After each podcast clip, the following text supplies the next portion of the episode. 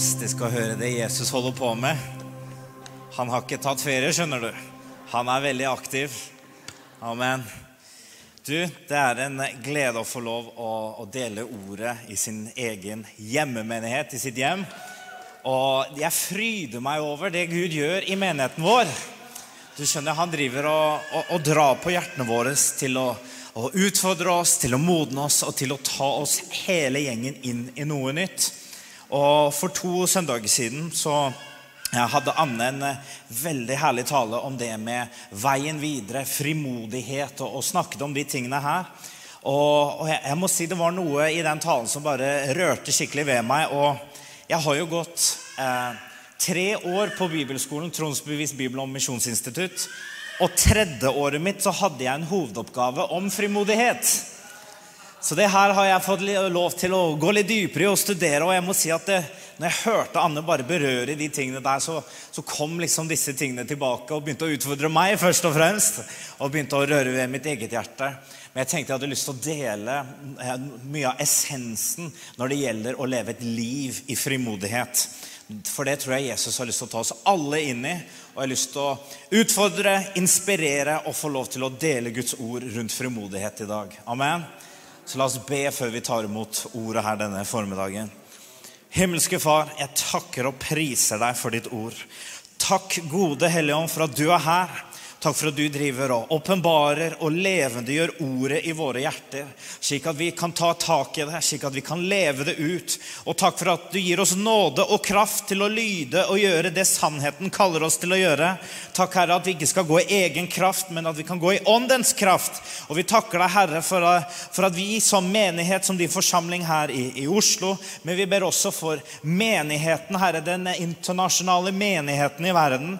Vi ber virkelig om at den skal reise reise seg opp i ny iver, i ny brann, i frimodighet, Herre. Og vi tror virkelig at du har noe for din menighet, Herre. Og du kaller på din menighet, Herre.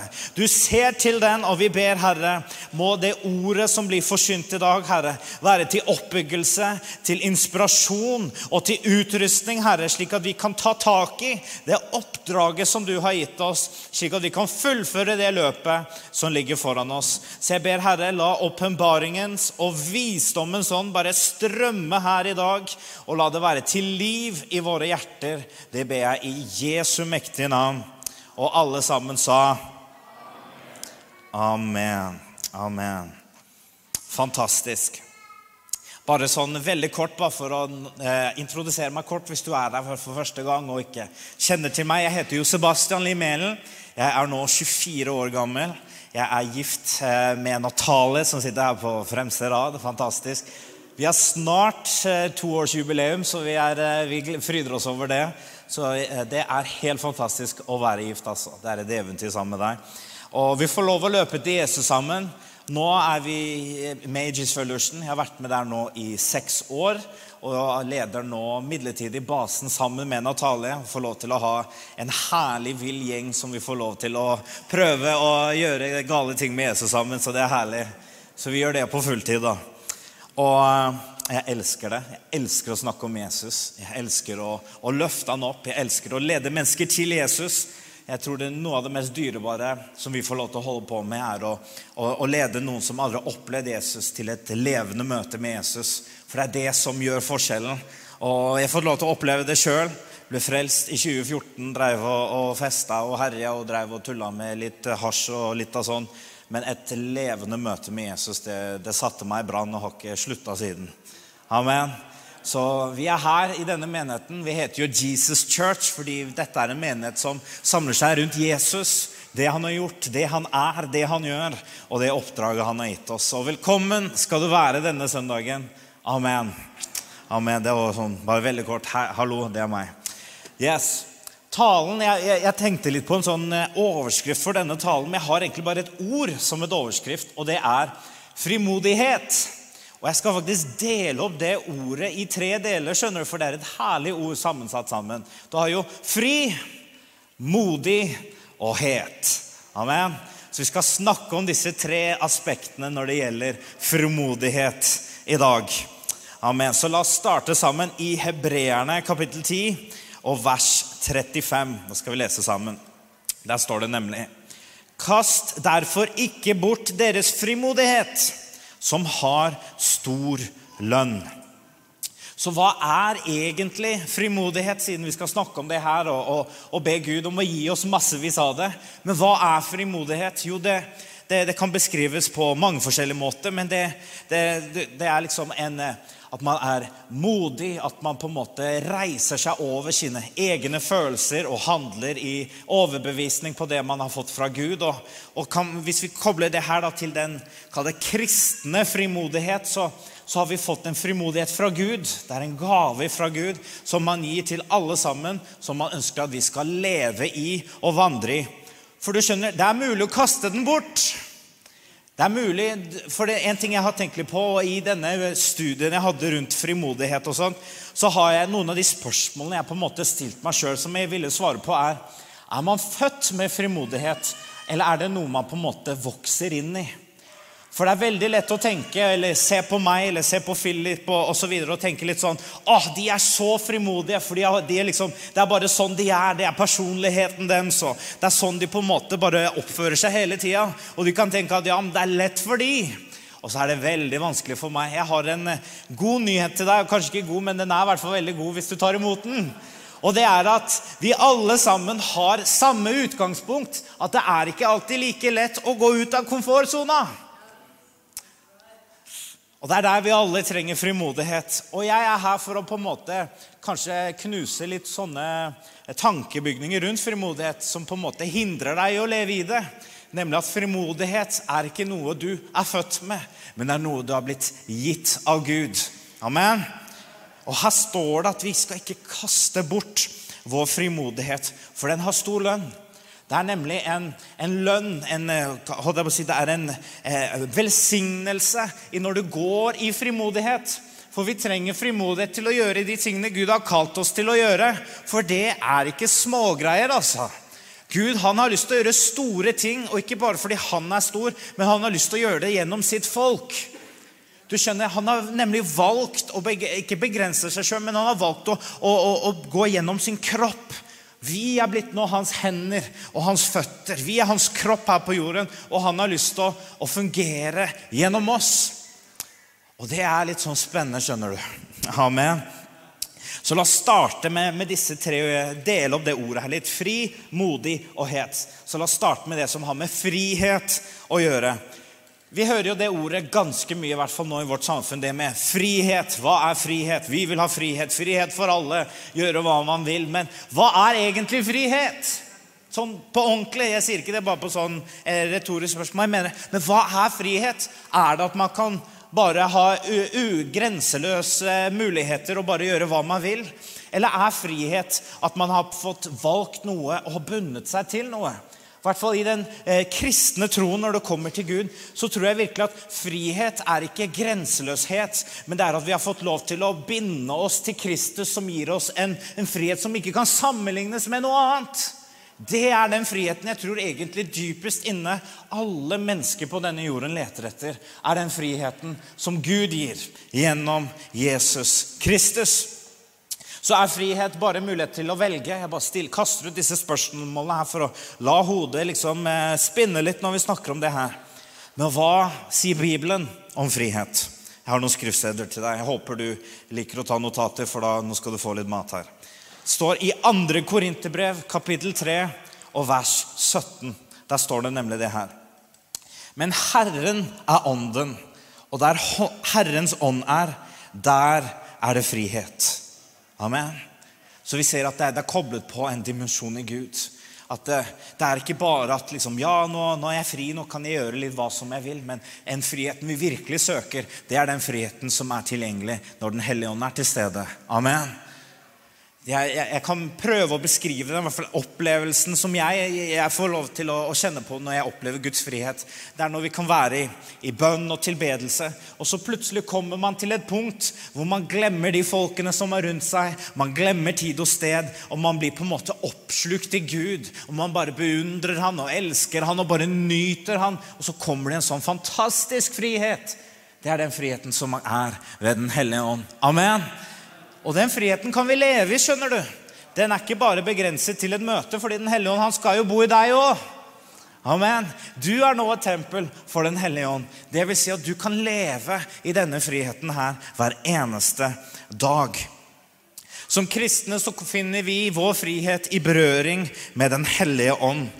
Og når Den hellige ånd kommer, så må alt det andre bøye seg. Amen. Depresjon må bøye seg, bekymringer må bøye seg, vanskeligheter må bøye seg. Til og med våre følelser må bøye seg. For i berøring med Guds frihet så forsvinner alt det andre. Det betyr ikke at vi går til å ignorere alt, men at vi får oppleve at vi kan kaste alt på Gud og få oppleve en frihet og en fred som, er, som går ikke an å forklare. skjønner du. Det står jo til og med i Filipperne 4 at Guds fred overgår all forstand. Den gikk i mening her, skjønner du, min venn. Av og til så velger Gud å gå forbi den greia her og bare gå rett hit. For vi kommer ikke til alltid forstå. Men han har lovt oss når vi bare kommer fram til ham med alle ting. Bekymring, ting som tynger oss ned, og gir det til han, så har han lovt oss å gi oss en fred som overgår all forstand. Amen. Verden kan ikke tilbe den. Mennesker kan ikke tilbe den. Livssituasjoner kan ikke tilbe den. Men det er en fred som kommer fra Gud ved Den hellige ånd. Amen. Amen. Jeg tror virkelig det er så mange mennesker, kristne og ikke-kristne, som lengter etter en genuin frihet i dag.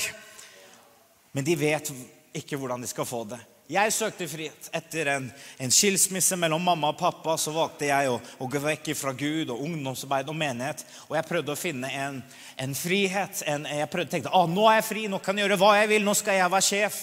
Og jeg tenkte ved at jeg drakk meg full hver eneste helg, eller at jeg begynte å røyke hasj, at nå er jeg fri. Men jeg var mer bundet enn noen gang.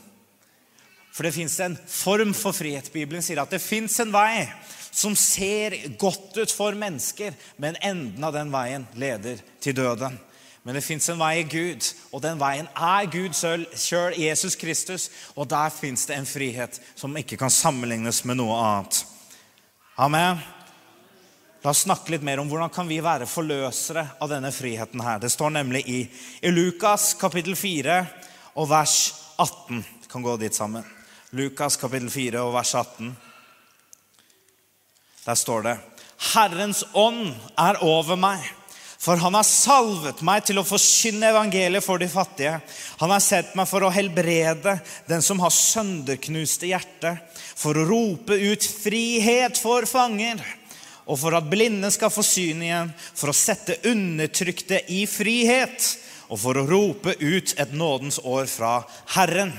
Amen. Jesus sa på samme måte som Faderen har sendt meg, så har jeg sendt dere. Og her ser vi en del av oppdraget Jesus hadde når han var på jorden. Han sa nemlig det. Herrens ånd er over meg for en hensikt. Det var ikke bare for han sjøl, men for å utføre en hensikt på jorden og det var å forkynne evangeliet. Vet du hva? Det budskapet om Jesus Kristus er et eldgammelt budskap, men det er kraftfullt, og det forvandler liv. Det er det eneste budskapet jeg tør å påstå med hele mitt hjerte, som kan virkelig forvandle en person. Jeg skammer meg ikke over evangeliet, sier Guds ord, for det er Guds kraft til frelse for alle som tror. Det er et kraftfullt budskap. Og når mennesker ikke bare hører det, men de responderer til det budskapet, så skjer det en forvandling i deres liv. Du kan få en tyv som på en måte slutter å stjele. Du får en, en, som holder på med rus, som slutter å ruse seg og begynner å koble på Gud. Du får folk som elsker å gjøre andre ting og leve for seg sjøl. De lever for noe større, som heter Guds rike. Det skjer når vi responderer og kommer i berøring med evangeliet. Og vi skal gjøre det greiene her, skjønner du. Vi skal også gå i Jesu fotspor. Så du og jeg er kalt til å sette andre mennesker i frihet. Vet du hva? Det har egentlig ikke så mye å si hvor kul eller relevant jeg kan være på en scene eller forkynnelse hvis ikke jeg kan legge hendene på noen og faktisk hjelpe dem inn i frihet og et møte med Gud. Skjønner du hva jeg sier til deg? Det at vi trenger Den hellige ånds kraft og frihet i dag. For det er det folk lengter etter. De vil ha noe ekte greier. De vil ha ekte vare. Vet du hva, Jeg, jeg, jeg er fortsatt ung, jeg sier jo det, men som 17-åring jeg ville ha noe ekte. ikke sant? Så jeg gikk jo til festing, til alkohol, til hasj og til rus. For jeg tenkte det er liksom heftige saker. Det kommer til å gi meg et kick. Men det var så tomt på andre siden. Og når jeg kom i berøring med Den hellige ånd, ble døpt i Den hellige ånd og fikk oppleve den dimensjonen av kristenlivet, så ble jeg satt i brann. Og det var det som ga meg hensikt med livet. Det var å ha et ekte relasjon med Gud. Amen. Det fins en dimensjon her som vi må gjenvinne. Det trenger Norge, det trenger norsk ungdom, det trenger norske menigheter. Europa trenger Den hellige ånds frihet og kraft igjen. Og Gud gir oss frimodighet til å gå inn og ta tilbake disse tingene. Og jeg, jeg, tror ikke bare at vi skal gjenvinne de tingene som vi har sett i historien, men vi skal ta nye skritt. Vi skal ta nytt land, vi skal ta nye områder, og vi skal se nye ting skje i vår tid. Og hvis du tror på det, skal du få lov å si et lite amen. Amen. Halleluja. Guds ord sier det her i Galaterbrevet, kapittel 5, og vers 13. Her står det nemlig For dere søsken taler til Guds forsamling her. Dere søsken er kalt til frihet. Bruk bare ikke friheten som en anledning for kjøttet, men tjen hverandre i kjærlighet. Vet du hva? Når Jesus setter deg fri, så blir du virkelig fri. Jeg snakker sånn ordentlig, ordentlig fri. Det er deilig, den friheten som Gud gir. Men det betyr ikke at vi ikke kan velge de tingene som holdt oss bundet igjen. Så man må velge å bruke friheten for noe godt. Og ikke tenke at nå er jeg så fri, og begrunne at jeg er fri, så kan jeg holde på de gamle tingene. Nei, nei, nei. nei, nei. Det er liksom en sånn der falsk maskerade det for å bevare synd. Og det funker ikke. Og det kan få deg inn i sånn der bundethet, og, sånn, og det vil vi ikke gå. Den veien bare sier vi nei takk. Friheten den gir oss muligheten til å tjene andre mennesker i kjærlighet. Vet du hva? Frihet for meg nå er virkelig at jeg kan si nei til visse ting, for jeg vet at hvis jeg hadde gått med de tingene, så kan det lede noen andre til fall. Så friheten min er ikke at å, ja, men jeg kan jo gjøre det for jeg er så fri. Frihet for meg er at vet du hva, jeg kan si nei for jeg er så fri. Amen. Ekte frihet gir deg anledning til å si nei til visse ting. At du kan ofre visse ting. Jeg tror det er viktig at vi gjenvinner disse tingene også med kristenlivet. vet du hva, Det er noe godt med å ofre ting i livet. Det er noe godt med å si, vet du hva, Om jeg aldri har dette igjen, så går det helt fint. Nå, jeg, nå skal jeg sette det kanskje litt der på spissen, men jeg, jeg, er helt seriøs på det òg. Når, når, vi kommer til himmelen Jeg tror ikke vi kommer til å liksom sitte der og tenke Jeg skulle bare sett én episode til på Netflix. Jeg skulle fullført sesong 11. Jeg tror ikke vi kommer der og bare Åh, søren, altså. Mens jeg hadde tid, så skulle jeg gjort det. Sier det litt på spøk, men det er sant òg. Det er visse ting som man Ikke at det er liksom, å, det er forferdelig å drive med, men det er visse ting man kan gi opp fordi man er så fri. Og når man går inn i de tingene med Gud, så fins det ting som du er kalt til å gjøre, og du oppdager bare det når du gir avkall på andre ting. For vi kan være så distrahert og så opptatt med ting som på en måte ikke man ville sagt å, det er synd, men som er bare tidstyver. Og vi må ta litt oppgjør med det òg, for vi er kalt til frihet. Men la oss ikke bruke det til en anledning for kjøttet, til å bare eh, fylle oss med de tingene som behager en selv. Men vet du hva? Det er en glede å leve for noe som er større enn seg selv, nemlig Guds rike. Det, det, det, skal jeg si deg, min venn, det er det mest tilfredsstillende, spennende, utfordrende livet du kan leve, er når du lever ditt liv ikke for deg selv, men for Guds rike. Amen. Å, det er deilig, men det er skummelt. Fordi da tar Gud deg på ditt ord og sier, 'Ja, men Sebastian, sa ikke du at liv, ditt liv tilhører deg nå?' Nei, meg. Eh, jo, ja, men da, da, vil jeg at du skal gjøre det her. Gå og snakk med den personen på bussen. Åh, ja, men Gud, nå nå, nå er, jeg, litt sliten, skjønner du. ikke sant? Nå er jeg litt trøtt. Men så er man liksom, nei, jeg tilhører. Og så går man i lydighet, så opplever man Wow, for en glede det er. Amen. Oi, oi, oi. Ok, så nå, jeg, har ikke tid til å gå langt inn på det her med frihet, men jeg tror du skjønner tegninga. En del av frimodighet er å leve i frihet. Amen. Andre delen så tar vi modig. Det må være modig. Så Som jeg stilte i stad, er man født modig? Er det en del av personligheten din? Er det bare sånn du er? Eller hva sier egentlig Bibelen om det her? Skal ta noen bibelvers. Er du klar for det her? For hvis du tar tak i det her, så er jeg overbevist om at du skal hjelpe deg inn i et liv fullt av frimodighet. Og da slipper du å unnskylde deg ut av det, men du kan bare omfavne det, for det er for alle. Amen. Så jeg skal stjele unnskyldningene dine i dag, sånn at du blir fri til å være frimodig. Amen. Her står det i Josva 1,9. Har ikke jeg befalt deg? Vær sterk og modig. Vær ikke redd, og bli ikke skremt, for Herren din Gud skal være med deg overalt hvor du går. Ser du det? Har ikke jeg befalt deg? Hva om Det å være modig handler mer om en bestemmelse enn noe man bare er. Ser du det? Har jeg ikke befalt deg? Vær modig og vær sterk. Jeg tror ikke Gud ville gitt denne befalingen til Josfa, som vi leser om her, hvis ikke han kunne velge det. For man står overfor valg hele tida. Skal jeg følge liksom litt ah, det er skummelt eller ubehagelig? Eller skal jeg velge å faktisk nei, vet du hva, jeg skal ignorere følelsene mine og handle på det uansett? Jeg tror det å være modig handler ikke om et fravær av frykt. Du har sikkert hørt uttrykket på engelsk 'he's fearless' eller 'fryktløs'. Jeg tror ikke frimodighet handler om å være fryktløs. Jeg tror det handler mer om at man velger å gjøre det uansett. Og da vokser du i frimodighet, for da får du en tillit til Gud og ikke til deg sjøl. Så skal jeg si, komme med en ærlig sånn evangeliseringsbekjennelse. Jeg syns det er like skummelt i dag som det var for 20 år siden. De samme følelsene, de samme tankene, de samme unnskyldningene. Jeg prøver å komme liksom ah, ja, men Sebastian, nå, er du, liksom, nå har du til og med blitt liksom leder. til og med. Nå trenger du ikke å, å, gjøre like mye som du gjorde før. Nå skal du fokusere mer på å undervise andre og, og gi det videre. ikke sant? Og så kommer disse tankene. Skal jeg si, det er ikke Den hellige ånd. Det, det er Sebastian. Det er kjøttet som snakker der. Og så kan du kjenne at Den hellige ånd sier ja, men det beste måten du kan lære på, er å være et eksempel sjøl. Ai, ai, ai. Jeg husker eh, når jeg var teamleder teamleder andreåret mitt i i Revolution. Så reiste vi rundt, og vi skulle til Hammerfest.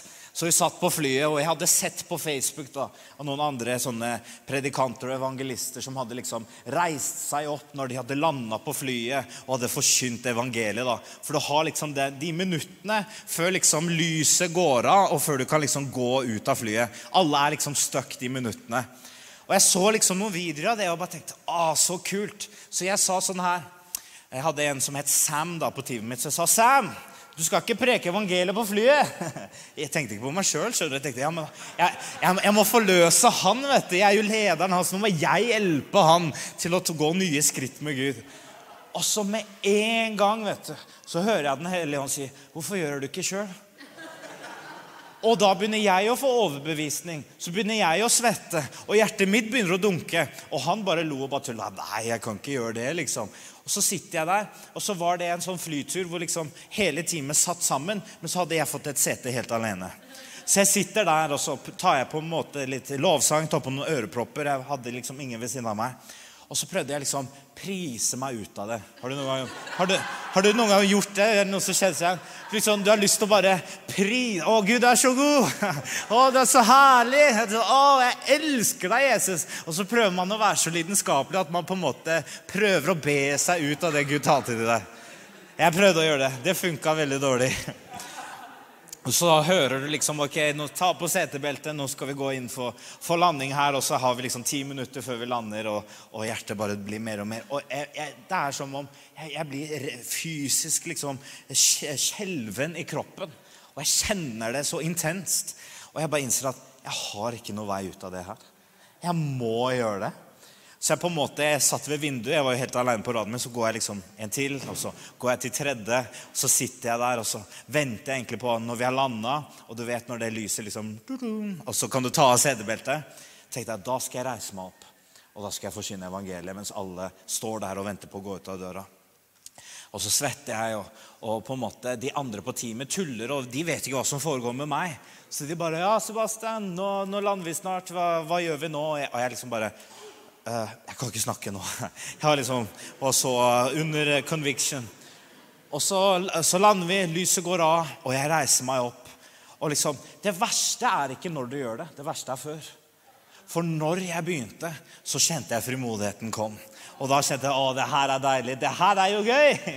Og begynte, tok liksom en ett minutts, liksom ett og et halvt minutts evangelistisk forkynnelse. bare. Folkens, jeg har bare lyst til å komme med en stor oppmuntring til dere som kommer hjem til eh, vinterferien. Du skjønner nemlig at Gud, han elsker deg. Han har en plan for ditt liv. Og jeg er her for å fortelle deg om at Gud ser deg, og han ønsker å kjenne deg, og at Jesus lever Og så bare holdt på sånn i ett minutt, og så på en måte tenkte jeg åssen avslutter jeg det her? Jeg er jo på et fly. Jeg er liksom ikke på et møte sånn som her. Og så var det litt sånn OK. Gud velsigne dere, folkens. Og så, så hvis dere vil eh, høre noe mer, så snakk med oss mens vi finner koffertene våre. liksom når vi har landa, da. Og så eh, var det liksom helt stille. Det var norsk fly. Det var helt stille. Det var ikke noe som klappa. Det var ikke noe som ser teamet bare stå litt sånn. Amen. Det er bra. Herlig, Sebastian. Og så liksom står jeg der, og jeg er veldig sjelden etterpå. Da lander jeg på en måte i meg sjøl. Liksom, og så går vi ut til der hvor det er eh, bagasje. Og så ser jeg en jente gråte. Så hører jeg Den hellige ånd si det var derfor jeg utfordra deg til å gjøre det. Og denne jenta ble så rørt av et minutts eh, forkynnelse av evangeliet. Og det var da jeg skjønte at frimodighet har stor lønn. Det er mange muligheter som Gud på en måte vil invitere oss inn i men som vi på en måte kanskje går glipp av fordi vi velger å underordne oss følelsene. ikke sant? Følelsene skal være så sanne for tiden, men det er ikke sant. De, de, de, de prøver å snakke deg ut av masse ting. Men hvis vi lar Guds ord være rettesnoren, og vi lar Den hellige ånd hjelpe oss i de mulighetene, så er jeg overbevist om at vi skal se mye mer gjennombrudd i dagliglivet. Og bare for å legge til Begrunna jeg gjorde det, så trengte jeg ikke å spørre Sam engang. Neste fly så reiste han seg opp og forsynte evangeliet. Eksempel, ikke det, det, det, forløser noe. Frimodighet har store konsekvenser, ikke bare for deg sjøl, men for andre. Amen. Har jeg ikke befalt deg, vær modig og sterk. Vær ikke redd og bli ikke skremt. Herren din Gud skal være med deg overalt hvor du går. Amen. Det å være modig handler ikke om å føle, eh, ikke føle frykt. Det handler om å gjøre det riktige selv om du er redd. Amen. Og da vet du hva du vokser i da? Tillit til Gud. For du innser at ok, jeg har vært her før. Jeg har jo tatt dette skrittet før. Det er like ubehagelig, men jeg husker at Gud var trofast den gangen. Og jeg vet at han skal være trofast denne gangen nå. Og da vokser du en tillit til Gud, og ikke til de følelsene dine som sier at det her er farlig. Amen. 2. Timoteus 1,7. Her står det Gud har ikke gitt oss en motløshet, eh, motløshetens ånd, men kraftens, kjærlighetens og sindighetens ånd. Amen. Motløshetens ånd. Eller fryktens ånd. Det er forskjellige oversettelser når det gjelder det her. Men den ånden Gud har gitt oss, det er en ånd av kraft, kjærlighet og klare tanker. Amen. Derfor trenger vi ikke å være lydige når frykten kommer, men vi kan være lydige Den hellige ånd. For det handler mer om hvem vi lyder, ikke liksom hva vi føler. Noen ganger så kan, er det flott å kjenne at Guds salvelse, og man kjenner sånn Men jeg gjør ikke det hele tida når jeg gjør sånne ting. Jeg kjenner, jeg kjenner meg sjøl. Men det er da man må bare stole på Guds ord. Det her er en viktig del av frimodighet som jeg vil oppmuntre dere til. For Gud, Hvis dere åpner dere opp for denne dimensjonen og sier Gud, gi meg ører til å høre, vis meg muligheter hvor jeg kan være et lys for folk på skolen, på arbeidsplassen eller i hverdagen, skal jeg love deg Gud svarer den bønnen. Og Han kommer til å gi deg muligheter, han kommer til å banke på hjertet ditt, og du kommer til å kjenne på det jeg har beskrevet for deg som jeg kjente på flyet. Og Han kommer til å deg, presentere sånne muligheter. Og da vil jeg oppmuntre deg. Du trenger ikke å føle deg frimodig. Bare vær det. Bare bestem deg, bare gjør det, og så kommer det der av seg sjøl. Ofte så har jeg opplevd at kraften og denne modighetsfølelsen kommer etter jeg har vært lydig, ikke før. Liksom når jeg er i det. Liksom, det verste Det er liksom kampen før kampen. Du kjenner på følelsene og alt det der, men når du er i det, så går det egentlig ganske bra. Amen. Jeg var frista til å dele noe her, men jeg dropper det. Vi har, vi har mye annet her. Ordspråkene 28.1. Jeg vil bare gi deg masse vers. Nå stjeler jeg unnskyldningene dine. ok? Dette er bra. Her står det Den urettferdige flykter selv om ingen forfølger ham. Men den rettferdige er uredd som en ungløve. På engelsk så står det her eh, the, the, righteous are as bold as lions. Amen. En, en, når du er blitt rettferdiggjort i Jesus Kristus, så er det en frihet, ja, men det er også en frimodighet som kommer begrunnet at du er rettferdiggjort. Du er, rett, du er, frimodig foran Gud. Du kan være frimodig foran djevelen, og du kan være frimodig, frimodig foran mennesker begrunnet at du er rettferdiggjort i Jesus Kristus. Amen. Det er en sannhet vi alle har. Amen. Det har ikke noe med kall eller personlighet. Det handler om frelse. Og er du frelst, så er du rettferdiggjort, og da er du frimodig. Amen. Det bor i deg. Jesus bor i deg, og den løven vil ut. Så slipper han løs. Amen. Ai, ai, ai. De rettferdige skal være modige som løver. Så la oss ta siste punktet her. Tredje var, husker du, het. Eller så bruker jeg også ordet brennende. Vi skal være brennende som troende. Amen skal gi deg noen vers på det, skjønner du. For det er noen som tenker liksom, ja, men det, kan bli litt mye, ja, men det er bibelsk, skjønner du. Det er bibelsk å være brennende for Gud. Her står det i Romerne 12, 11. Kanskje det kommer opp det òg. Ja, herlig. Romerne 12, 11 sier det her. Det er herlig bibelvers. Vær ikke lunkne, men ivrige.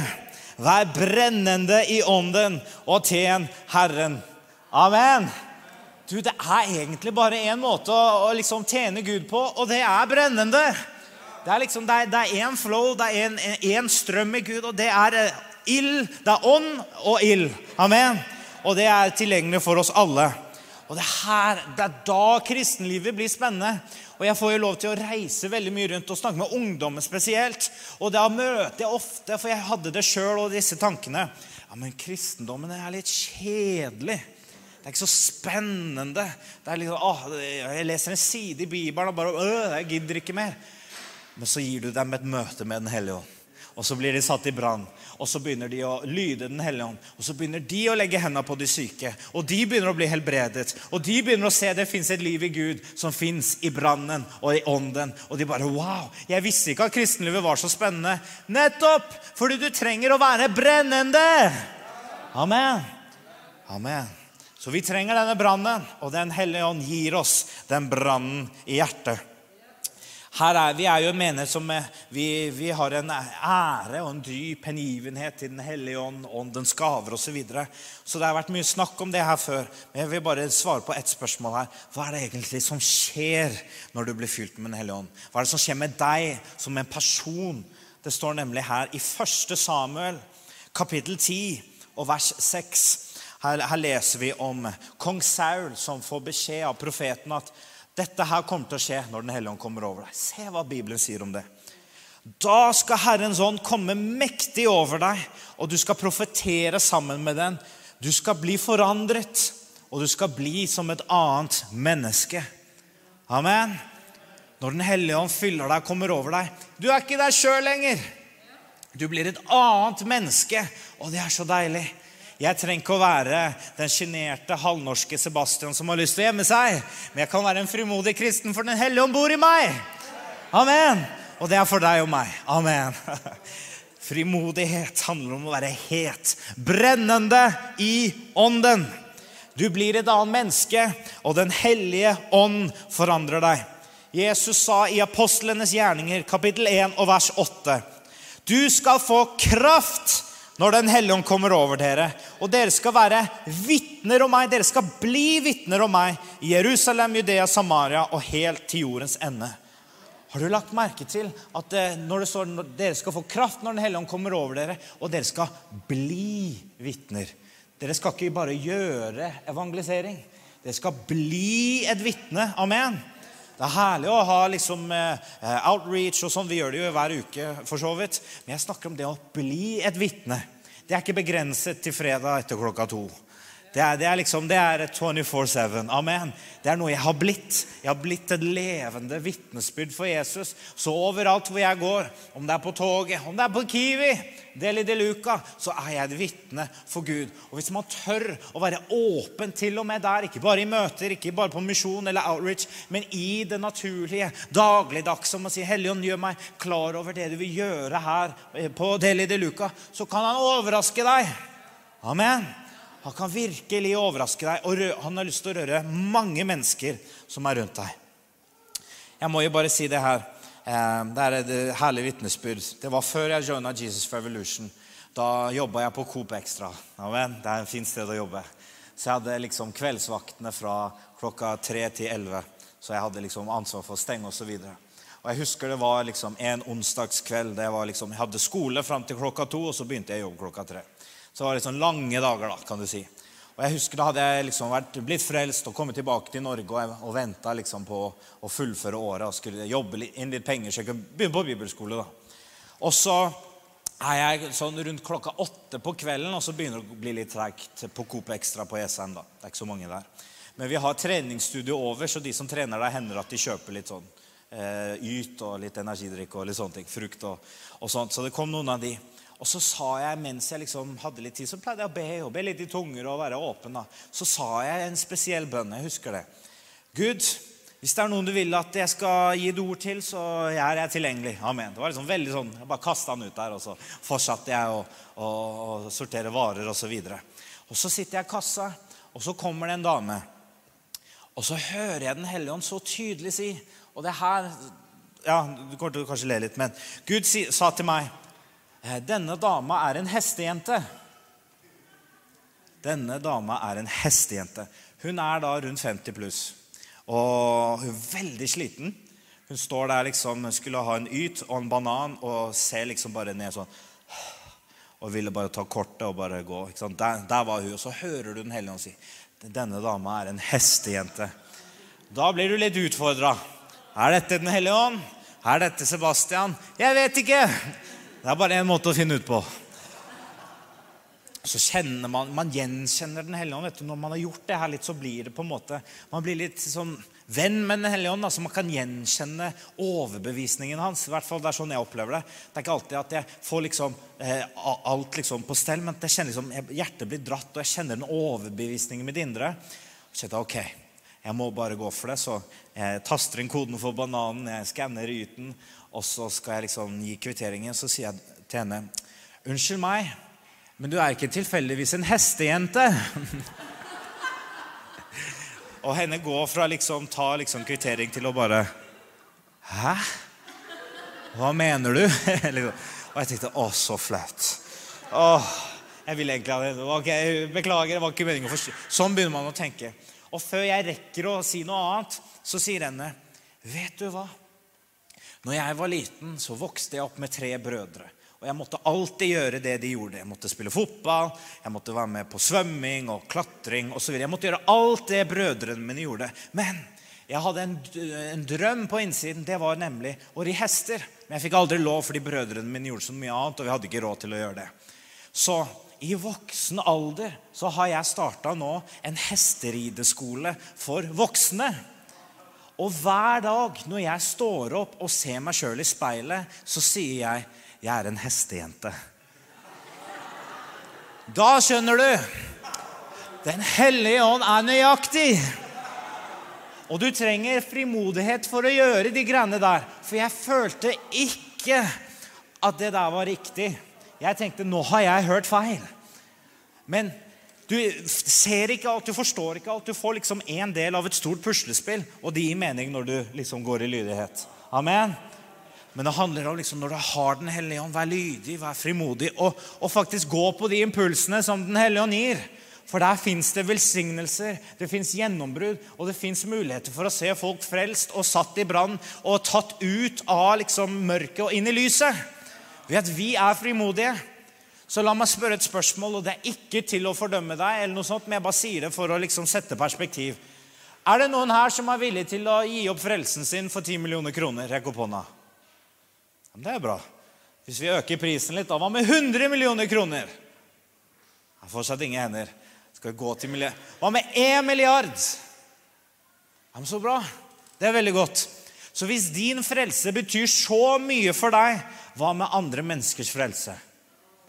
Sier det ikke for å være fordømmende, men sier hvorfor skal vi lytte til frykten hvis den er verdt så mye for deg? Skal vi ikke da gå litt ut av oss sjøl og gi det samme videre til andre? Amen. Så handler det også om å ha litt i perspektivet. For jeg vet det er ubehagelig. Jeg sier ikke dette for å fordømme, men mer for å sette perspektiv. For vi trenger frimodighet, mine venner. Amen. Og Gud vil gi til den som spør. Så det er tilgjengelig, vet du. Vi skal snart gå inn for landing her. Jeg vil bare gi deg et par punkter til. Går det bra? Vil, hvordan kan man leve dette livet i frimodighet? Nummer én bli fylt av Ånden. Apostlenes gjerninger, kapittel 4 og vers 29. Konteksten her er eh, disiplene har vært ute og vært vitne for Jesus. De så en mann som var lam, begynte å gå utenfor tempelet. Og det begynte å bli en forfølgelse rundt eh, de religiøse lederne. begynte å forfølge dem. Og de blir da tatt eh, foran dette rådet av religiøse eh, fariseere og sadukere osv. Og, så og de har en avhør med Peter og Johannes. Og de sier egentlig det her, bare forkorter historien litt her. Jeg, vi forbyr dere til å tale i Jesu navn og om oppstandelsen til Jesus Kristus. Vi forbyr dere. Så står det at Peter, fylt av Den hellige ånd, ikke sant, sier vi kan ikke noe annet enn å vitne om det vi har sett og hørt. Vi må være lydige mot det. Og de bestemmer seg for at vet du hva, vi skal være lydige til enhver pris. Og så står det at eh, de kommer til sine egne, står det i Apostelens gjerninger 423. For de blir løslatt. Men så ser vi at de ber en herlig bønn i vers 29. Og den bønnen skal vi be i dag. ok? Her står det nemlig Herre, legg merke til truslene deres og gi dine tjenere å tale ditt ord med all frimodighet idet du rekker ut din hånd til å helbrede, og at tegn og under skjer ved din hellige tjener Jesu navn. Og da de hadde bedt, skalv stedet hvor de var samlet, og de ble alle fylt med Den hellige ånd og talte Guds ord med frimodighet. Amen. Hvis disse første disiplene opplevde at det var et sånt press i å forkynne evangeliet og dele om Jesus Kristus, og de blir så liksom skaket, de blir truet, skjønner du, og de kommer til sine egne og det, Du kan på en måte se nesten mellom linjene at liksom, Gud, hvis vi skal fortsette, så trenger vi mer frimodighet. Presset er intenst. De truer oss. Gi oss enda mer frimodighet, så vi kan fortsette. Amen. Hvis de ba det, så kan vi også be det. skjønner du. Og Kanskje for noen av oss er vi på litt forskjellige steder, men vi må begynne der vi er. Vi må ta tilbake liksom bussen. Vi må ta tilbake skolen, arbeidsplassen. Bare det å være et, lys åpen om troen sin. Jeg er en kristen. Og man skammer seg ikke over å si det. Man trenger ikke å unnskylde seg engang. Som jeg er en kristen, og jeg elsker Jesus. Vær stolt av det. Amen. Vi må ta tilbake disse områdene. Det tror jeg Den hellige ånd ønsker å oppmuntre oss her i dag til å gjenvinne disse områdene i livet vårt, i byen vår. Amen. Oslo trenger frimodige kristne, skal jeg si deg. Liksom Når du er ute og evangeliserer litt, og du får liksom noen opplevelser her og der, så skjønner man at oi, to ting. Det er litt utfordrende, det kan være litt krevende, men jeg trenger Den hellige ånds kraft og frimodighet for å se gjennombrudd. For man kan komme så så langt med ord og diskusjoner, men når Den hellige ånds kraft kommer, når folk blir helbredet, når man tør å ta disse stegene, så skjer det ting. Jeg tror at den samme Gud som helbreder og gjør store ting i andre kontinenter, ønsker å gjøre det her. Men han trenger et folk som tør å reise seg og tro at den samme Guden som herjer i Asia og Afrika, vil herje i Norge. Amen. Jeg tror det, og jeg tror virkelig at han ser etter et folk som tør å si, 'Her er jeg, Gud. Bruk meg.' Amen. Ikke bare send noen andre, for det er fristende, ikke sant? Men send meg. Bruk meg. Hvor enn du er. Du må ikke på en måte eh, gå ut i misjon for å være misjonær. Du kan være misjonær der du er. For det handler om å være sendt. Og du har sendt av Den hellige ånd med kraft fra himmelen for å være et lys hvor enn du er. Amen. Halleluja. Det er deilig å preke om de greiene her i kirka. skal jeg si deg. Men jeg blir så utfordra på det her sjøl. Jeg bare vet det. det er liksom både før og etter så kommer jeg til å bli skikkelig utfordra av Den hellige ånd. Amen. Så vi bare omfavner det livet, for det er et spennende liv må dele en siste historie her før vi skal gå inn i litt bønn og litt sånn her. Um, uh, når jeg var i første året mitt i Jesus Revolution, så dro vi til Belgia. Det er uh, på, flere måter kanskje litt likt Norge. Der er det uh, veldig sekulært, og de er veldig sånn mot kristendom. Liksom, ah, 'Vi er ikke interessert, vi vil ikke høre'. Og så skulle vi besøke en menighet, og det regna den dagen. Og vi hadde blitt satt opp til å liksom evangelisere den dagen da, i liksom fire-fem timer. Og det høljer ned. Det er ingen å se når vi liksom, liksom kjør, Vi kjørte rundt, skjønner Vi gikk ikke rundt. Vi kjørte rundt i bilene, og så sa vi stopp, og så løp vi ut der vi så folk. liksom. Vi holdt på sånn, da. Og så på en måte, og jeg, og jeg, tenkte, og jeg må bare være ærlig, at jeg var liksom ikke her når det gjaldt liksom, å, vi skal se gjennombrudd i dag. Jeg var litt sånn Jeg gleder meg til vi er ferdig. Det var litt sånn følelse. Og så plutselig så ser vi en sånn eh, busskur. Ikke sant? Sånn busskur hvor du kan sitte. Og så kommer det bare masse røyk ut av det. Du ser liksom en sky av røyk komme ut. Og så plutselig Du ser liksom skoene, du ser liksom den delen og ned, men du ser liksom ikke så mye av folkene. Så skjønner jeg oi, her er det mange ungkarer som driver og røyker hasj. Og så begynner Den hellige ånd å Sa ikke så mye, men jeg bare kjente jeg må gå. Jeg må snakke, jeg må si noe til dem. Og så spør jeg da, hei, kan du stoppe bilen her. Så var liksom bussholdeplass på hver sin side av veien. da. Så vi gikk ut, og jeg gikk liksom inn i skyen. og så ser jeg disse karene, da. ja. Og, og, de var liksom veldig sånn forbausa. 'Hvem er du?' Så sa jeg, 'Du, gutta, jeg må fortelle dere noe utrolig eh, spennende.' 'Jeg har faktisk noe mye bedre enn det greiene dere driver og røyker nå.' Og de bare OK, fortell, liksom. For jeg pleide å røyke hasj. Jeg drev og solgte det på high school i USA. Så jeg hadde jo litt erfaring med det her og kunne språket deres. da. Og, og, og begynte å snakke med dem. Og så begynner jeg å dele vitnesbyrd med det egentlig. da, Hva som hadde skjedd med meg. Hvordan jeg møtte Jesus, og, og Gud kom inn i livet mitt. Og de er helt uinteressert. Og jeg tenker ah, Søren, du skulle ønske at det var en som bare Oi, nå snakker du om meg, eller noe sånt. Og De var bare sånn Ha-ha, ok, takk skal du ha, liksom kan du gå. Nesten det var sånn holdning de hadde. De sa ikke det. Og så hører jeg Den hellige ånd si han ene har et problem med kneet sitt. Så av og til så er liksom Noen ganger man må vitne, og det er viktig. og det skal Vi alltid gjøre. Vi skal være klar hvor som helst til å gi et svar på det håpet som bor i oss. det sier Skriften. Men så er det også når Den hellige ånd vet døra inn til mennesker. ikke sant? Han gir deg nøkler, da, rett og slett. Og, og, jeg spør da til Vi er vel rundt sånn 14-15 eh, karer i det busskuret. Er det noen her som har problemer med kneet sitt? Og selvfølgelig var det han som var høyest og liksom litt sjefen av de gutta. Han sier det er meg, jeg er basketballspiller, og jeg får ikke liksom spilt. Jeg har problemer med kneet. Så spurte jeg kan jeg be for deg. Nei. Nei, du kan ikke be. Men fordi de er høye og syns det her er kjempemorsomt, så presser alle de andre guttene han til at jeg skal be for han allikevel. Så han får liksom liksom ah, Nei, jeg har ikke så lyst ah, Kom igjen, da. La han be for deg, liksom. Kom an. liksom. Ikke vær feig. Det var liksom, De holdt på der, da. Så til slutt så liksom ga han seg. Ok, da, du kan be for meg. Da, da har man en mulighet. For eh, jeg, liksom, Det er ikke noe magisk med mine hender, men han sa at vi skal legge hendene på de syke, og han skal helbrede. De skal bli helbredet. Så jeg gjør min del. Jeg legger hånda på kneet hans og sier i Jesu navn så befaler jeg det kneet til å bli helbredet nå. Amen. Og så spør jeg kan du teste det. Og han i stor forundring bare Nei, du tuller. Det er ikke sant. Og sa noen andre ord òg, som jeg ikke kan si her. Og, og bare fortsette sånn, da.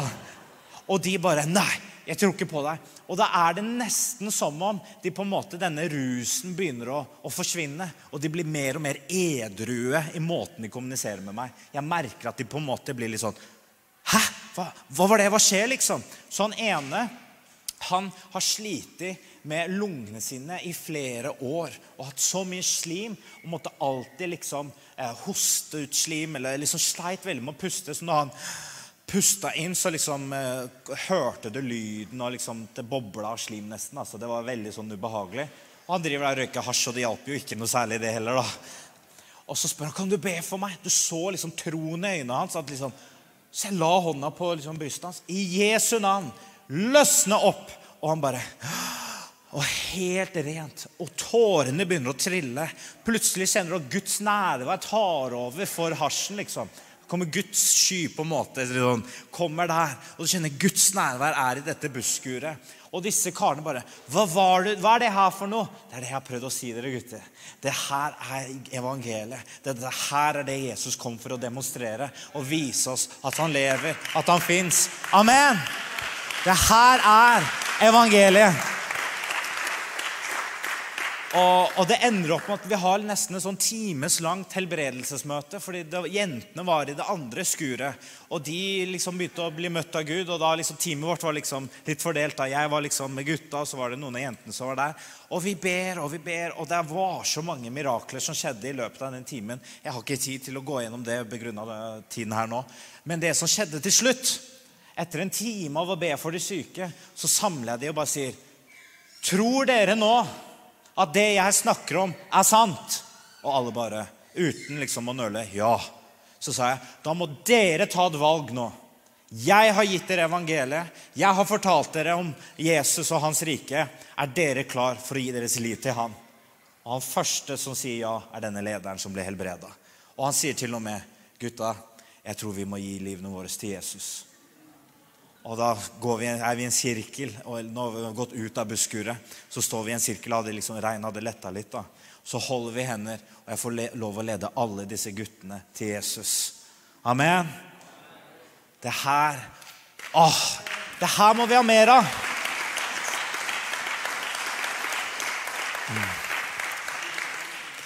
Og jeg sier det her bare for å liksom vekke opp en hunger etter det her, for det var kjempeskummelt før jeg gikk. Men når man går i lydighet, så kommer Gud med verktøyene som du trenger. på en måte. Så jeg vil bare oppmuntre dere alle. Gå i lydighet til Den hellige ånd.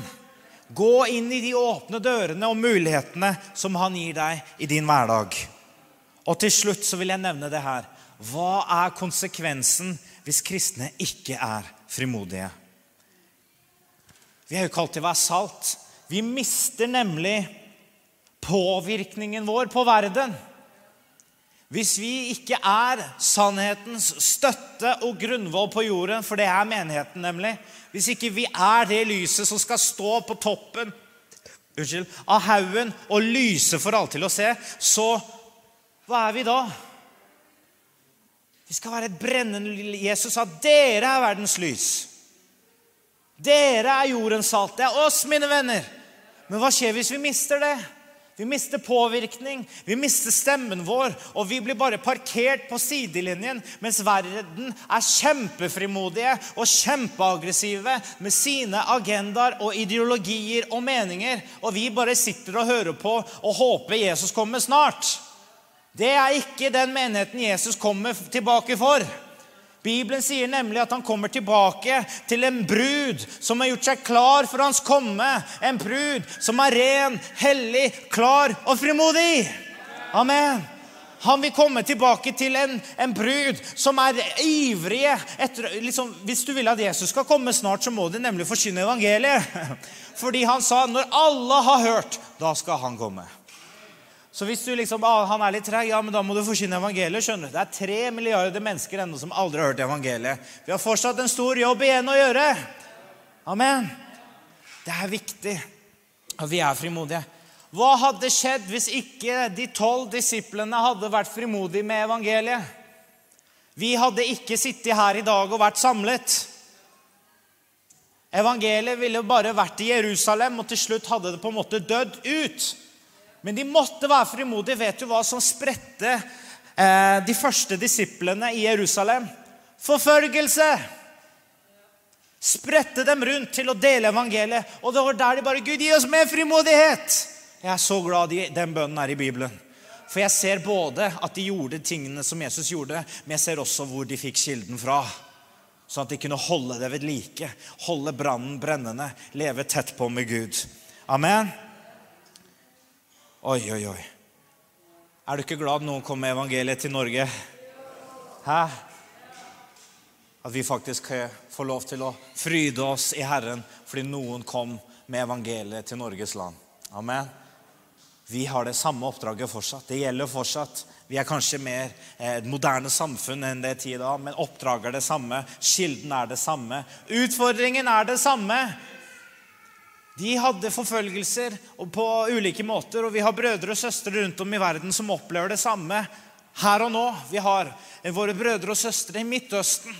Liksom, blir du frelst der, så har du liksom tre måneder igjen å leve på gjennomsnitt som kristen. Det er liksom, så Vil du bli frelst, du har liksom tre, da har du tre måneder igjen å leve i gjennomsnitt. Velkommen til Guds rike. Men de aktet det som en ære å få lov til å dø for Jesus fordi de fant livet, det evige livet. Og de sier med disse ordene de, de kan ikke ta oss. De kan, de kan ikke stilne oss. Vi har Jesus på innsiden. Og jeg husker Stefan fortalte en gang det var en som kom fra eh, et land i Midtøsten, som kom her for å dele på en samling med norske eh, kirkeledere og pastorer. Og, og det spørsmålet ble gitt til han. Hva kan vi i Vesten gjøre for å hjelpe dere? Og vi kanskje naturligvis hadde tenkt at vi må være med å be om at forfølgelsen stopper. Og han liksom, han gikk imot det. Og han sa nemlig ikke be om at forfølgelsen stopper, men at vi kan elske de som forfølger oss. For forfølgelsen holder motoren i gang for vekkelse i Midtøsten. Wow! Da snakker vi om et liv i Den hellige ånd hvor han har fått lov til å ta helt over. Amen. Og jeg tror Den hellige ånd har behag når vi på en måte dør til den delen av oss som ønsker på en måte å bare bevare sitt eget ansikt og rykte, og vi bare kan være helt frie til å tjene Jesus i den graden han har kalt oss til å tjene ham. Amen. Og vi alle har dette felles oppdraget om å gjøre han kjent. Amen. Jeg sier dette her bare for å oppmuntre. Men hvis det er litt utfordrende, så er det bra. For vi trenger det, skjønner du. Jeg, jeg preker til meg sjøl her, og jeg tenker å, kjære Gud, hjelp meg. Jeg vil være mer frimodig. Oi, oi, oi. La oss holde fast på frimodigheten vår.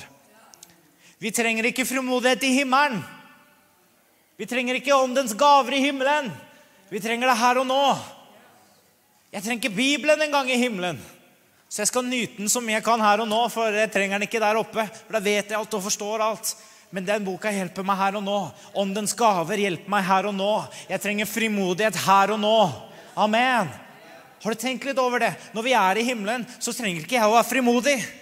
Da er det liksom, da er det ferdig. Da er vi der og skal nyte den frelsen som Jesus kjøpte for oss i all evighet. Men det er her og nå, mens vi er på jorden, mens vi er i en verden som er falleferdig og korrupt, og hvor vi kan være et lys. Og da trenger vi å være frimodige her og nå. Og Det er det jeg vil at du skal ta tak i. Ikke vent med at å, når jeg har skjønt det, eller bedt nok, eller gjort noe, da kan jeg kanskje være litt mer frimodig. Vet du hva? Det er fantastisk å gå på bibelskole, men jeg kjenner at skal jeg være frimodig, så handler det ikke bare om at jeg har gått på bibelskole, men at jeg er mye med Gud. Jeg bruker tid med Han og lar Han fylle meg hver eneste dag. For at jeg kan ikke leve på liksom, brød for to år siden. Jeg må ha daglig brød. Jeg må ha et ny kraft, ny frimodighet hver eneste dag. Amen. Og så til syvende og sist så er det fortsatt det er et valg. Det er en bestemmelse. Og vi trenger alt det her og nå. Jeg vet ikke om du har hørt disse ordene her eh, i det siste skal avslutte her nå. Vi kan sikkert få bli, komme litt opp på scenen her. Jeg vil be litt, så skal vi gå inn i nattverd. Og, og, men jeg, jeg, vil at vi skal skikkelig be litt sammen her nå. Men jeg vet ikke om du har hørt liksom, ordet vekkelse brukt mye. Vi bruker det her i men, menighet, menighetene. Vekkelse osv. Vi tror på vekkelse, og, og vi, vi, vi, ser vekkelse, og vi vil se det gjennombruddet skje. Amen. Men det jeg har lyst til å si til deg når det gjelder det her med vekkelse, er at når jeg, når jeg bruker det ordet her, så snakker ikke jeg om gudstjenester hvor folk blir eh, frelst. Og det er vanlig, men det er normalt. Vi skal ikke bli Det som vi er i fare for å skje nå, er hvis vi på en måte går tilbake til Guds normalt, at vi kaller det liksom radikalt og vekkelse, når Gud vil også gjøre langt mer enn det som er normalt. Så hvis vi ser da 10-15-20 ungdommer frelst på en kveld, vet du hva det er? Det er normalt. Men når vi bruker ordet vekkelse, da snakker vi om når tusener kommer under Guds overbevisning og nærvær og flokker seg og vi hører om evangeliet. Amen. Det er det vi ber om. Så vi, vi ber om at den, den kirka kommer til å bli proppfull, og den kommer til å bli altfor trang. Amen. Men jeg er overbevist om den vekkelsen vi ber om. Det går langt utover bare å fylle dette bygget, men at det skal komme liksom en, et regionalt nærvær av Gud over Oslo. Som du står utenfor på bussholdeplassen, så kjenner du en overbevisning at 'Å, jeg må bli rett med Gud'. Det er det vi ber om, at liksom Guds nærvær får lov til å bre seg over Oslo. Store Oslo. Vi trenger det. Så når jeg snakker om vekkelse, da er det det jeg refererer til. Og når jeg snakker om normalitet, da snakker jeg om at da kan vi oppleve at 10-15-20 blir frelst hver eneste søndag. Hver eneste fredag på ungdomsmøtene. Folk blir frelst hver eneste uke på gatene. Og det er normalt. Amen. Så la oss ikke kalle det Og jeg sier ikke det på noen vond måte, men jeg vil at vekkelse skal bli vekkelse, for jeg vil ha det. Men jeg vil også ha normalitet i Guds rike igjen. Amen. Det skal bli normalt at folk blir frelst. Det skal bli normalt at folk blir frelst på skolene daglig, på arbeidsplassene, hvor bønnen får liksom begynne å dekke Oslo, at ting begynner å skje. Det blir normalt. Amen. Å, vi trenger det her så mye. Jeg lengter etter det. er en dyp lengsel i mitt hjerte å se en frimodighet og en vekkelse samtidig i min tid. Jeg har lest for mye. Jeg har hørt for mye.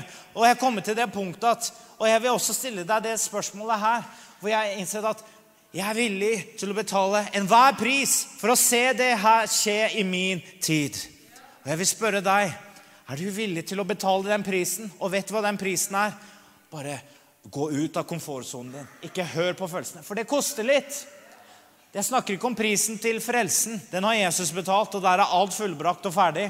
Men han har også sagt at vi skal gå, og vi ikke skal være redde, og vi skal ikke få kraft. Han skal ikke forsyne evangeliet nå, vi skal. Amen.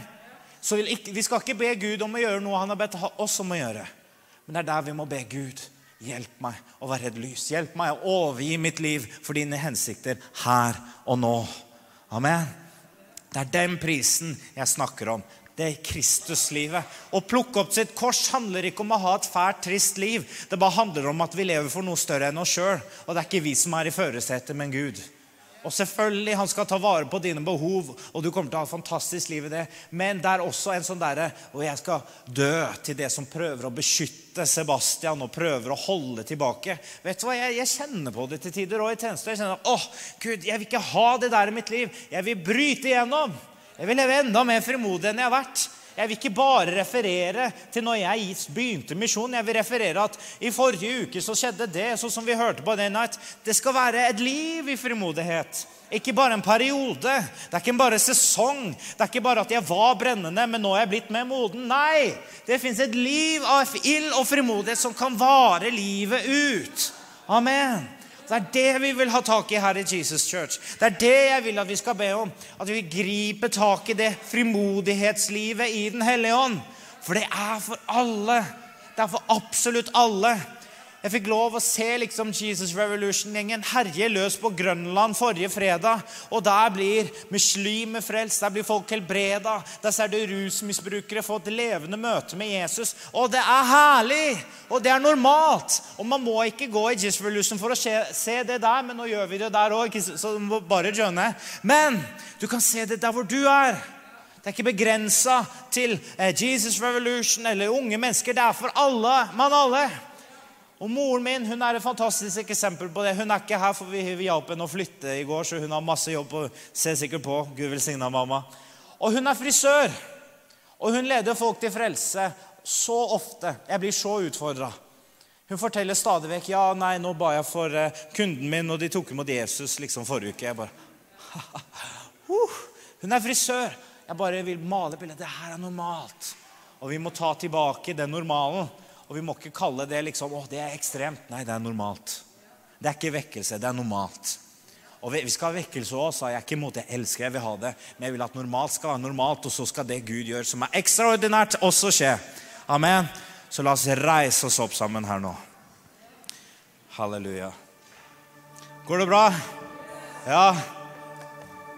Vil du ha dette her? En, to, tre, fire. Det er bra. Det er komme seg her nå. Amen. Å, takk, Jesus. Halleluja. Å, Herre. Jeg vet vi allerede har bedt tidligere om å få en større porsjon av frimodighet, og det er en bønn vi har blitt enige om i menigheten at vi skal be om. Men jeg har lyst til å bare også be, fortsette i det sporet der om å be Gud om å gjøre to ting. At han også skal drive ut all menneskefrykt i våre liv. For det er en sånn paralyserende liksom, ting man kjenner på. At liksom, ah, jeg tør ikke å snakke med dem. Tenk om de sier noe. Tenk om de reagerer. Og den menneskefrykten, den er ikke fra Gud. Og det betyr også at vi trenger ikke å lyde den, og vi trenger ikke å ha den. Men vi kan be om at Gud driver ut menneskefrykt i våre liv og gir oss en frimodighet, at vi kan gjenvinne det og være vitner hvor enn vi er. Amen. La oss rekke opp våre hender til himmelen. Så skal vi ta imot her nå. Halleluja. Å, vi priser og ærer deg, Jesus. Takk, gode Hellige Ånd, for at du er her. Vi bare anerkjenner ditt nærvær akkurat her, her og nå. Vi anerkjenner vårt behov for deg, Hellige Ånd. Vi trenger deg. Du er hjelperen. Du er talsmannen. Du er den som trøster oss når vi syns ting blir vanskelig. Du er den som går ved siden av oss og hjelper oss å følge Jesu fotspor. Du er den som styrker. Du er den som utruster. Du er den som kommer med gaver og visdom og kraft når vi trenger det. Og Herre, vi bare ber innenfor denne søndagen, Herre, i de tidene vi går inn mot som menighet, som land, som by. Vi ber, Herre. Vi ber her og nå om at alt som på en måte hindrer oss i å gå inn i dette frimodighetslivet, skal bøye seg i Jesu mektige navn. Vi ber her og nå, Herre, om at all menneskefrykt som har hindret oss i å gå ut til å dele, til å snakke med folk på jobb eller på skole eller på kollektiv eller på gatene Jeg ber, Herre, å må du drive ut all menneskefrykt i Jesu mektige navn. Og vi takker deg, Herre, for at vi ikke har en motløshetens ånd, men vi har en ånd av kraft av kjærlighet og sindighet, Herre. Og vi priser og takker deg denne formiddagen, Herre, for at du gjør noe nytt, Herre. Du vekker til live de tingene som har sovnet, Herre. Du vekker til live frimodighet, Herre. Du fjerner unnskyldninger og dårlige grunner som vi lever på. Og du istandsetter oss, Herre, til å gå, til å være et lys, til å gå fremover, Herre, i de tingene som du har for oss, Herre. Og vi ber for Norge. Og vi løfter opp landet vårt, Herre, til deg. Vi har bedt for det til og med. Vi ber igjen, Herre. Vi ber, la Norge få oppleve en ny berøring av Den hellige ånd. Vi ber for Oslo, Herre. Vi takker deg for arven av vekkelse, av gjennombrudd, av åndsutytelse. Å, Herre, vi takker deg for det. Men vi trenger mer, Herre. Vi trenger en ny gjennombrudd i byen vår, Herre. Vi ber, Herre, begynn også med oss, Herre. Her har vi bedt, Herre, om vekkelse, om gjennombrudd, om folk skal bli frelst, og i åndens nærvær og gjennomslag, Herre. Og vi ber, Herre, Hellige Ånd, kom og grip oss. Kom og ta over, og kom og led oss inn i denne, dette livet. Led oss inn i en livsstil av vekkelse, i en livsstil av frimodighet. Kan ikke du rekke opp dine hender og bare gjenta denne bønnen her nå? En bønn av, av å ta imot av bekjennelse her sammen nå. Herre Jesus, jeg tar imot en ny porsjon med frimodighet. Av tro, av hunger og av lengsel for ditt nærvær. Herre Jesus, jeg trenger deg. Og jeg ber deg i dag om å hjelpe meg til å gjenvinne frimodighet i mitt liv. Områder hvor jeg pleide å være frimodig. Jeg vil ta de tilbake i dag, Herre. Arbeidsplassen min, Gud. Den er tilgjengelig for deg nå. Jeg skal ikke sette bremser på deg. Gi meg muligheter til å vitne, til å velsigne og for å be for mine kollegaer. Herre, jeg ber for skolen min. Den tilhører deg. Jeg ber, Herre, led meg til mine medelever. Led meg til mine lærere og professorer. Gi meg frimodighet til å dele evangeliet. Og gi meg muligheter, Herre. Åpne opp dører for meg, Herre, så jeg kan være et lys og et vitne for deg. Og Herre, vi ber for våre familier, for de som enda ikke kjenner deg. Vi ber, Herre, gi oss frimodighet til å dele evangeliet med dem.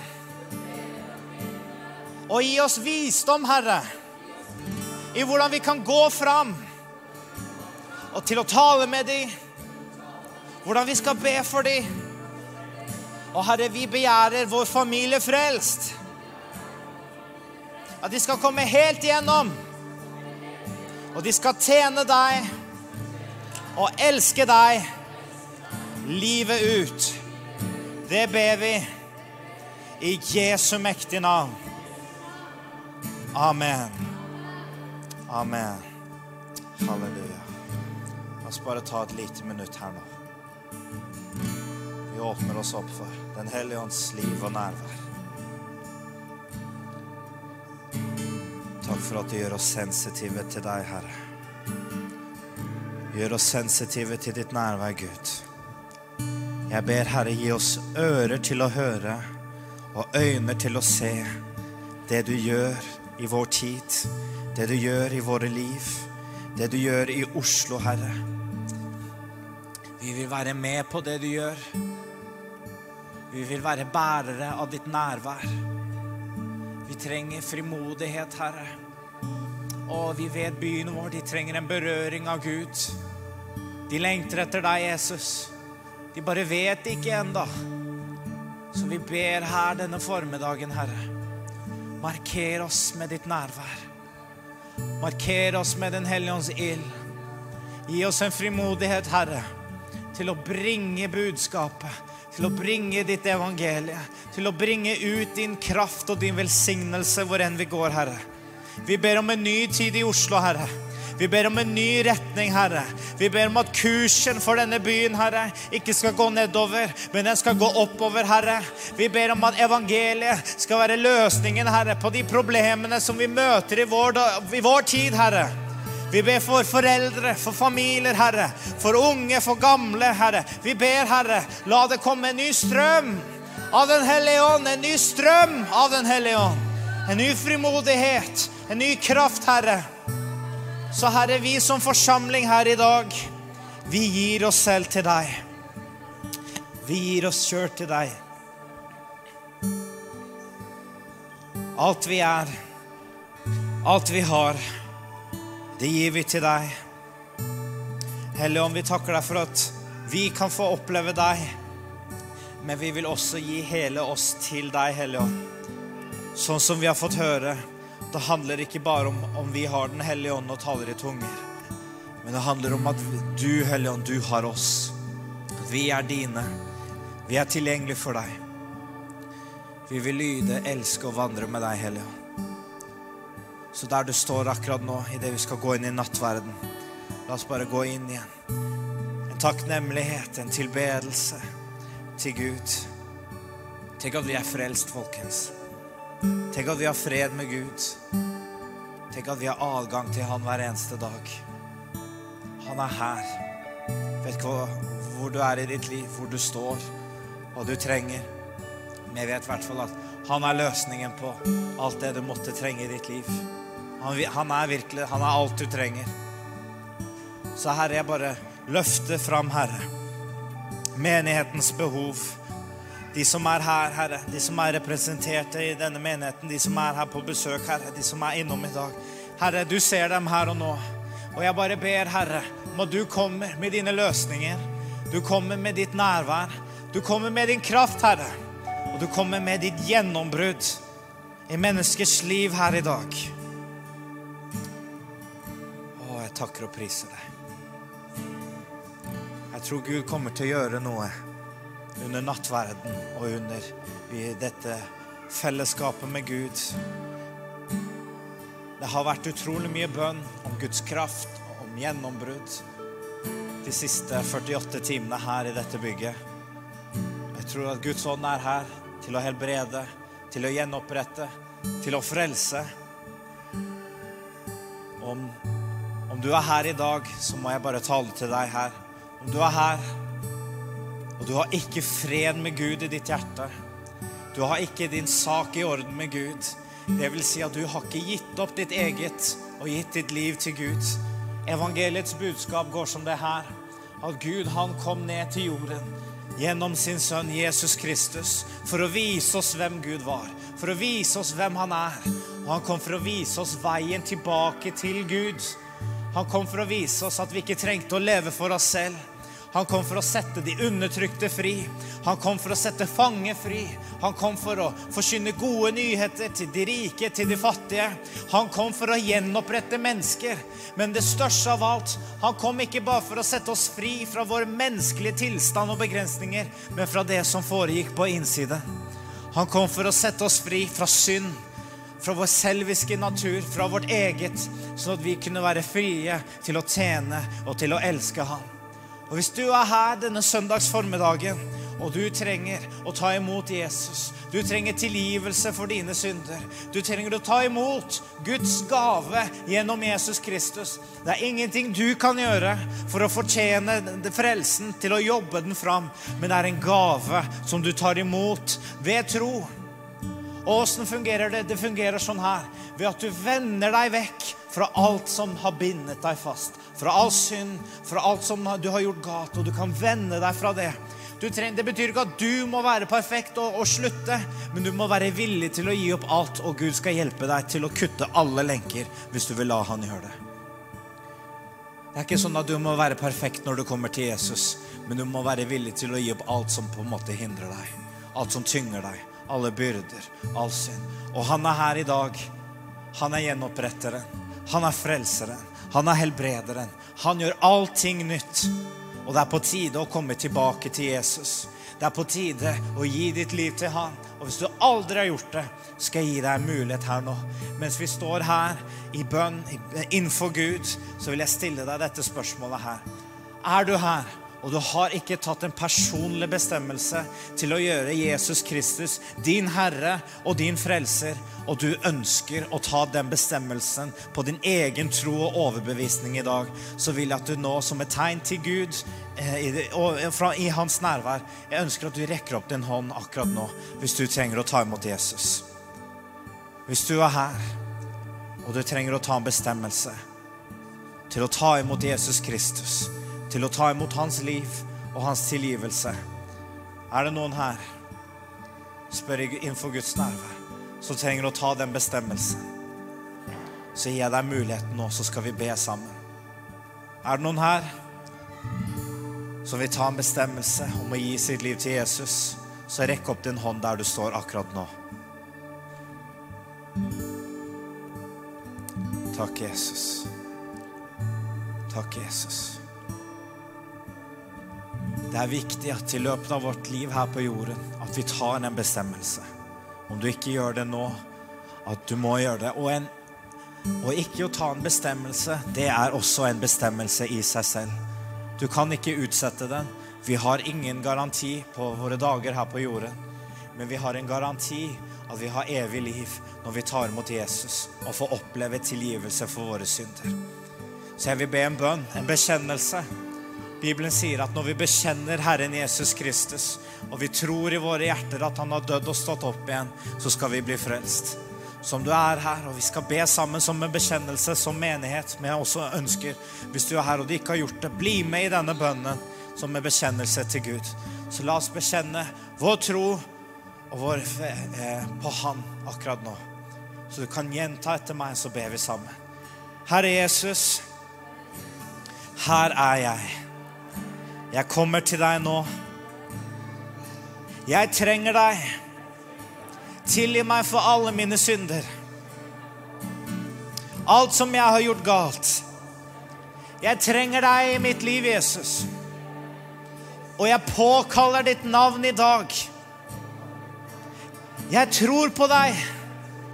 Jeg tror at du døde, og at du sto opp igjen for å lage en vei tilbake til Gud, sånn at jeg kunne bli frelst. Og jeg tar imot denne frelsen i dag. Jeg tar den imot i mitt liv. Og jeg takker deg, Herre, for at jeg har blitt et Guds barn. At jeg har blitt en ny skapning. At det gamle er borte og det nye har kommet. Takk for at du elsket meg, og du ga ditt liv for meg, sånn at jeg kunne bli ett med deg igjen. I Jesu navn. Amen.